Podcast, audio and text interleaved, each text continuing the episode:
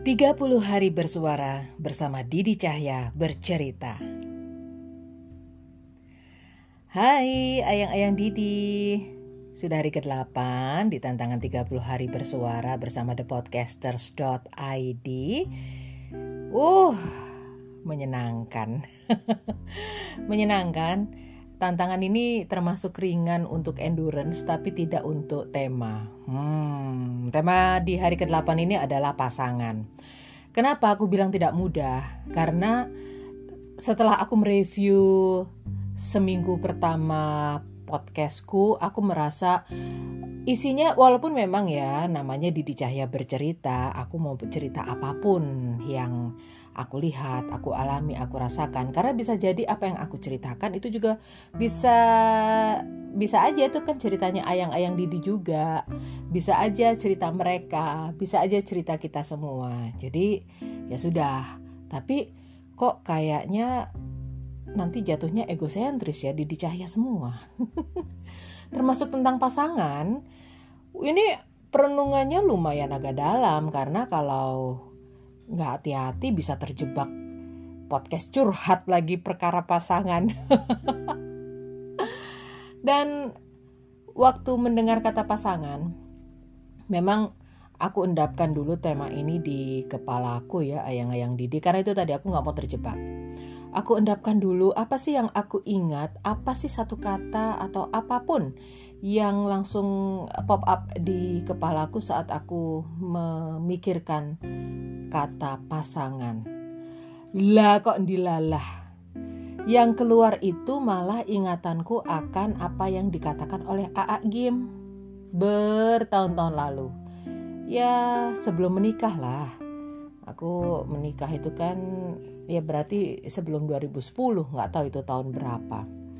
Jadi ceritanya adalah beliau itu kan mengisi acara insertion gitu ya. Terus dalam insertion itu ada yang bertanya begini, e, AA kalau memang manusia itu ditakdirkan berpasang-pasangan, kenapa ada orang di dunia ini di bumi ini yang tidak berpasangan, tidak menemukan pasangannya? Dengan kata lain, sampai dia ke liang lahat pun dia masih sendiri, masih single. Ini ada apa gitu kan? Nah terus AA Kim tuh jawabnya gini. Ya itulah kalau kita itu mikir orientasinya hanya hidup di dunia. Kita lupa bahwa hidup itu di dunia dan di akhirat itu berkesinambungan. Jadi bisa saja orang yang tidak berpasangan di dunia itu akan menemukan pasangannya di surga, di akhirat, karena memang semua manusia ciptaan Allah itu ditakdirkan untuk berpasang-pasangan. Nah, aku ingat banget itu. Jadi setelah mendengar itu sebenarnya aku memutuskan, oh ya sudah, berarti kalaupun aku tidak menikah, tidak ada yang salah dengan aku dan tidak menyalai agama juga seandainya aku tidak menikah dan waktu itu aku memutuskan ya udah deh nggak usah ngoyo lagi untuk mencari suami waktu itu. Nah, akhirnya aku uh, menarik lagi ke masa sekarang terkait dengan pasangan yang tak ditemukan di dunia itu. Aku ingat masa-masa di 2018 saat aku dan teman-temanku berkumpul dalam satu antologi Hidup Ini Indah Babe edisi ungu. Edisi ungu tuh yang keberapa ya? Satu, dua, tiga. Yang ketiga mungkin aku lupa. Yang ketiga uh, hidup ini indah beb edisi aku memilih bahagia yang di dalamnya itu isinya perempuan-perempuan semula single. Kenapa aku pikir uh, perempuan-perempuan semula single karena memang aku memilih bahagia itu adalah seri single fighter woman untuk perempuan yang sendirian. Tapi karena memang ada proses yang terlalu lama, akhirnya ada beberapa penulis di situ yang awalnya saat menulis itu statusnya single, waktu buku itu mau di launching sudah double, alias sudah menikah. Tapi tetap dimasukkan ke dalam buku itu karena memang ada cerita yang menarik di balik ke kesinggalan mereka menuju kedobelan mereka gitu. Termasuk salah satunya cerita salah satu penulis bagaimana dia menemukan jodohnya, suaminya di usia yang sudah tidak lagi muda melalui dating sites. Jadi sampai sekarang uh, mereka hidup berbahagia uh, setelah dipertemukan di dating site itu lalu menikah dan mereka LDR karena yang laki-laki di New Zealand, yang perempuan di Indonesia, apalagi masa pandemi ini. Berpisahlah mereka, dipisahkan oleh samudra. Tapi intinya adalah kalian perempuan single yang dari tulisannya Mbak Yeni Sampurno ya. Itu intinya adalah hey perempuan single kalian jangan berputus asa, berbaik sangka saja kepada Allah. Suatu saat jodohmu itu datang entah dari pintu mana, dengan cara apa. Nah, itu akhirnya jadi satu cerita dan banyak juga cerita bagaimana seorang perempuan temanku sendiri berjuang bagaimana caranya supaya dia bisa lepas dari suaminya yang KDRT. Itu KDRT-nya gila-gilaan. Kamu bisa bayangkan seorang ibu hampir dibunuh, hampir ditikam dengan pisau di depan anak-anaknya.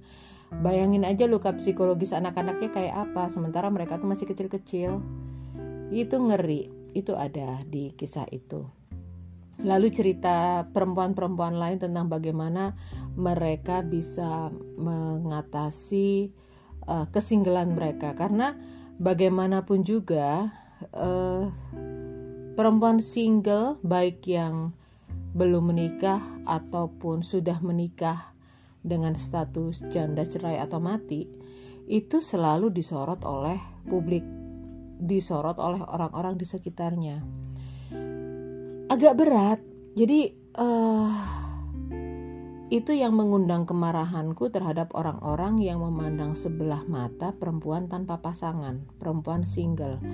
Maksudku begini, kami itu single bukan karena ingin. Kami itu single karena memang keadaan belum memungkinkan kami menikah atau menemukan pasangan yang tepat. Kami itu single bukannya bukan karena terlalu pilih-pilih. Kami itu single bukan karena kami terlalu memandang rendah laki-laki.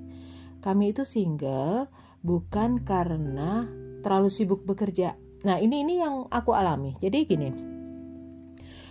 Uh, kehidupanku sebagai perempuan single itu cukup menyakitkan.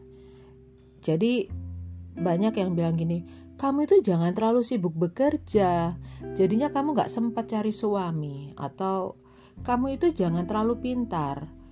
Nanti jodohmu itu tidak akan berani mendekatimu, laki-laki tidak akan berani mendekatimu karena kamu terlalu pintar.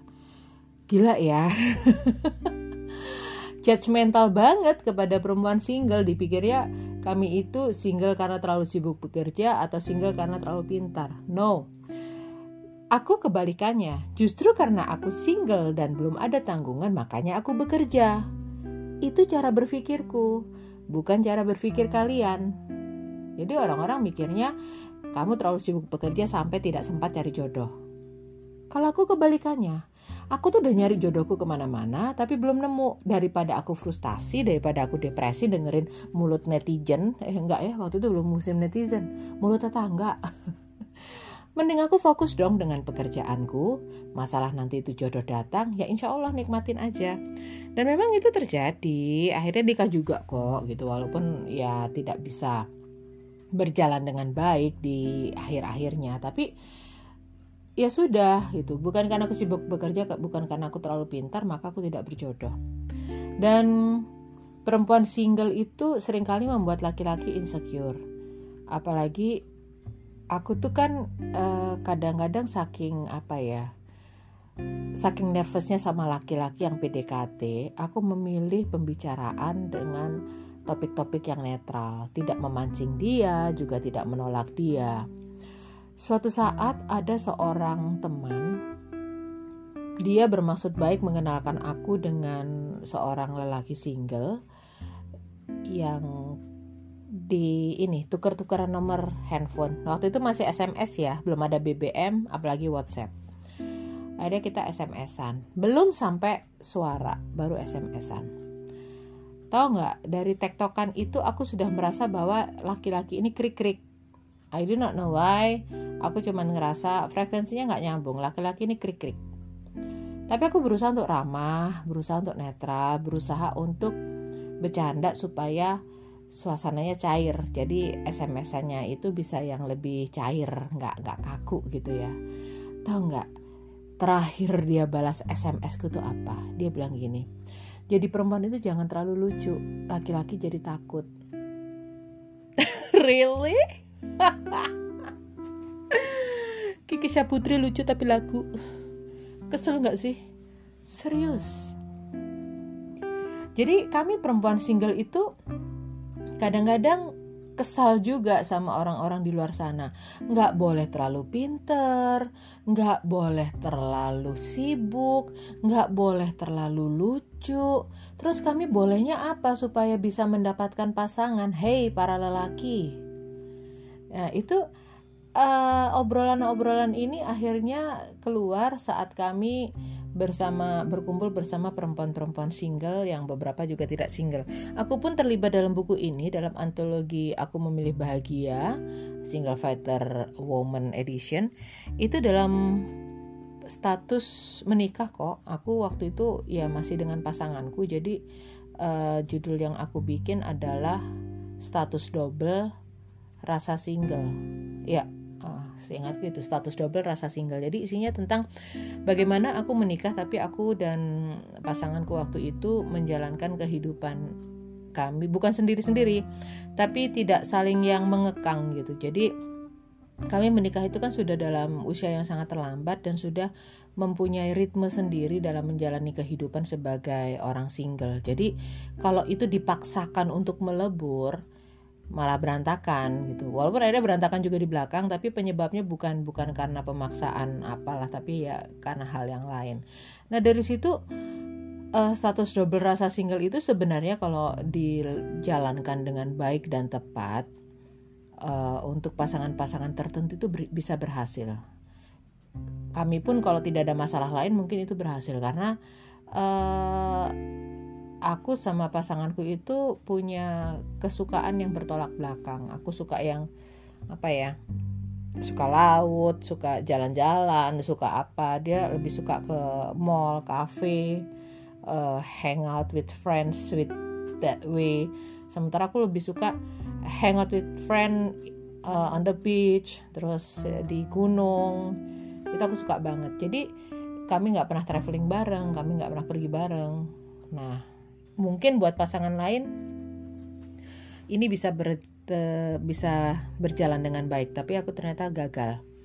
Nah kembali lagi kepada pasangan yang belum ditemukan di bumi ini tapi entahlah nanti di surga apakah kita akan ya insya Allah Allah sudah ini ya kayaknya udah udah janji insya Allah ada. Nah sekarang adalah tinggal bagaimana kita para perempuan single ya ayang-ayang Didi. Ini aku sampai bingung nih ngomongnya buat ayang-ayang Didi perempuan atau laki-laki ya. Uh, janganlah kamu berputus asa dengan statusmu yang masih sendirian. Karena ya itu tadi sudah dijanjikan jodoh kita di akhirat sana. Dan yang perlu kita pikirkan juga adalah saat kita single banyak orang yang ingin mengubah kita supaya status kita berganti. Jadi yaitu tadi sepupuku bilang jangan terlalu pintar, jangan terlalu galak. ya deh gue galak makanya nggak laku-laku gitu kan jangan terlalu galak jangan terlalu apa tapi yang jelas saat kamu mendengarkan omongan orang-orang itu dan menelannya mentah-mentah kamu akan kehilangan jati dirimu jadi kalau ada orang yang memberi kritikan misalnya kenapa kamu tetap single selama apa yang mereka omongkan itu uh, pada koridor yang benar. Misalnya kamu sih terlalu traumatis. Yang kemarin itu ayo diberesin aja jangan. Mungkin ada omongan dia yang benar. Jadi tidak ada salahnya kamu mendengarkan. Tapi saat orang itu sudah kamu sih uh, terlalu cengengesan, kamu sih tomboy, kamu sih ini, kamu sih itu. Aku ngeliat kok temanku tomboy menikah dan punya anak, nggak ada yang salah dengan tomboy. aku melihat kok perempuan-perempuan teman-temanku perempuan yang galak-galak itu punya suami yang yang sangat mengasihi dan mereka hidup baik-baik saja kok. Jadi ya sudah, ada orang ngomong aneh-aneh, kamu dengarkan aja, tapi nggak usah kamu kunyah, langsung bawa lepeh, wis ngono ya. Tapi bukan berarti juga kalau kalian sudah memutuskan untuk tetap single, terus kalian juga seenaknya sendiri, ya jangan. Karena kita hidup itu kan dengan stigma. Kita kita sudah dicap di jidat kita tuh perempuan-perempuan single apalagi yang perempuan uh, janda cerai hidup gitu ya itu kesinggelannya itu selalu hmm, ada aja yang mancing-mancing perkara bikin berantem gitu ya. Kita jangan terlalu ambil ambil hati atau pikirkan itu. Kita tetap fokus pada hidup kita sambil tetap berdoa. Karena berapapun usia kita kita tidak tahu jodoh itu akan ada di usia yang keberapa. Jadi untuk ayang-ayang Didi para single fighter para perempuan yang masih single atau sudah single karena satu keadaan nggak ada yang salah dengan kalian. Kalaupun dalam perkawinan itu uh, ada kegagalan ya ya sudah kita pelajari aja. Karena kegagalan itu tidak serta merta uh, dari satu pihak. Tentu ada dari dua pihak. Dan bisa jadi kegagalan itu memang karena kita para perempuan yang yang salah juga gitu. Apa pun itu. Tetap berbesar hati kalau kalian masih single. Dan mohon buat kalian yang statusnya punya jodoh, punya pasangan, status double, tolong ber apa ya bersimpatilah kepada orang-orang di sekitar kalian yang single. Mereka tuh hidupnya sulit. Sulit itu dalam artian begini. Walaupun misalnya mereka secara materi cukup, tapi mereka kan kesepian juga, nggak ada teman ngobrol. Atau katakanlah ya enggak kok aku nggak kesepian, temanku di luar banyak. Ya sudah, jangan campuri urusan mereka dengan memaksa untuk untuk apa ya untuk hidup berpasangan atau apa kita tidak tahu apa yang ada di kepala teman-teman kita yang masih single apakah mereka itu memang sudah menjadikan sendiri itu sebagai keputusannya atau mungkin ada trauma atau mungkin memang belum menemukan kita tidak tahu apa yang ada dalam pikiran mereka jadi perkara pasangan ini ya tetap yang ingin aku sampaikan adalah siapa pun pasangan orang lain itu bukan urusanmu. Orang yang tidak berpasangan pun itu bukan urusanmu. Kejam, tapi memang itu yang harus dilakukan. Dan kurang-kurangi deh ngejek jomblo. Tapi aku masih suka eh ngilokno jomblo padahal aku dewe jomblo. Karena akan ada satu masa di mana para jomblo itu akan uh, sampai di titik terlemahnya dan sudah tidak bisa lagi menerima bercandaan-bercandaan tentang kejombloan mereka. Aku sering berada di fase itu. Jadi ya cobalah hargai para jomblo-jomblo ini. Ya syukur-syukur dibantuin cari jodoh. Tapi kalau enggak mingkem mau, gak usah nyacat, gak usah nyatru, gak usah berprasangka. Oke? Okay? Sekian dulu tema di hari ke-8 mengenai pasangan uh, status double rasa single itu yang pernah aku tulis dan aku alami sekarang. Jadi tak mengapalah masih punya status double ini. Ntar kalau udah single beneran nggak tahu deh. udah ya yang yang Didi. Bye.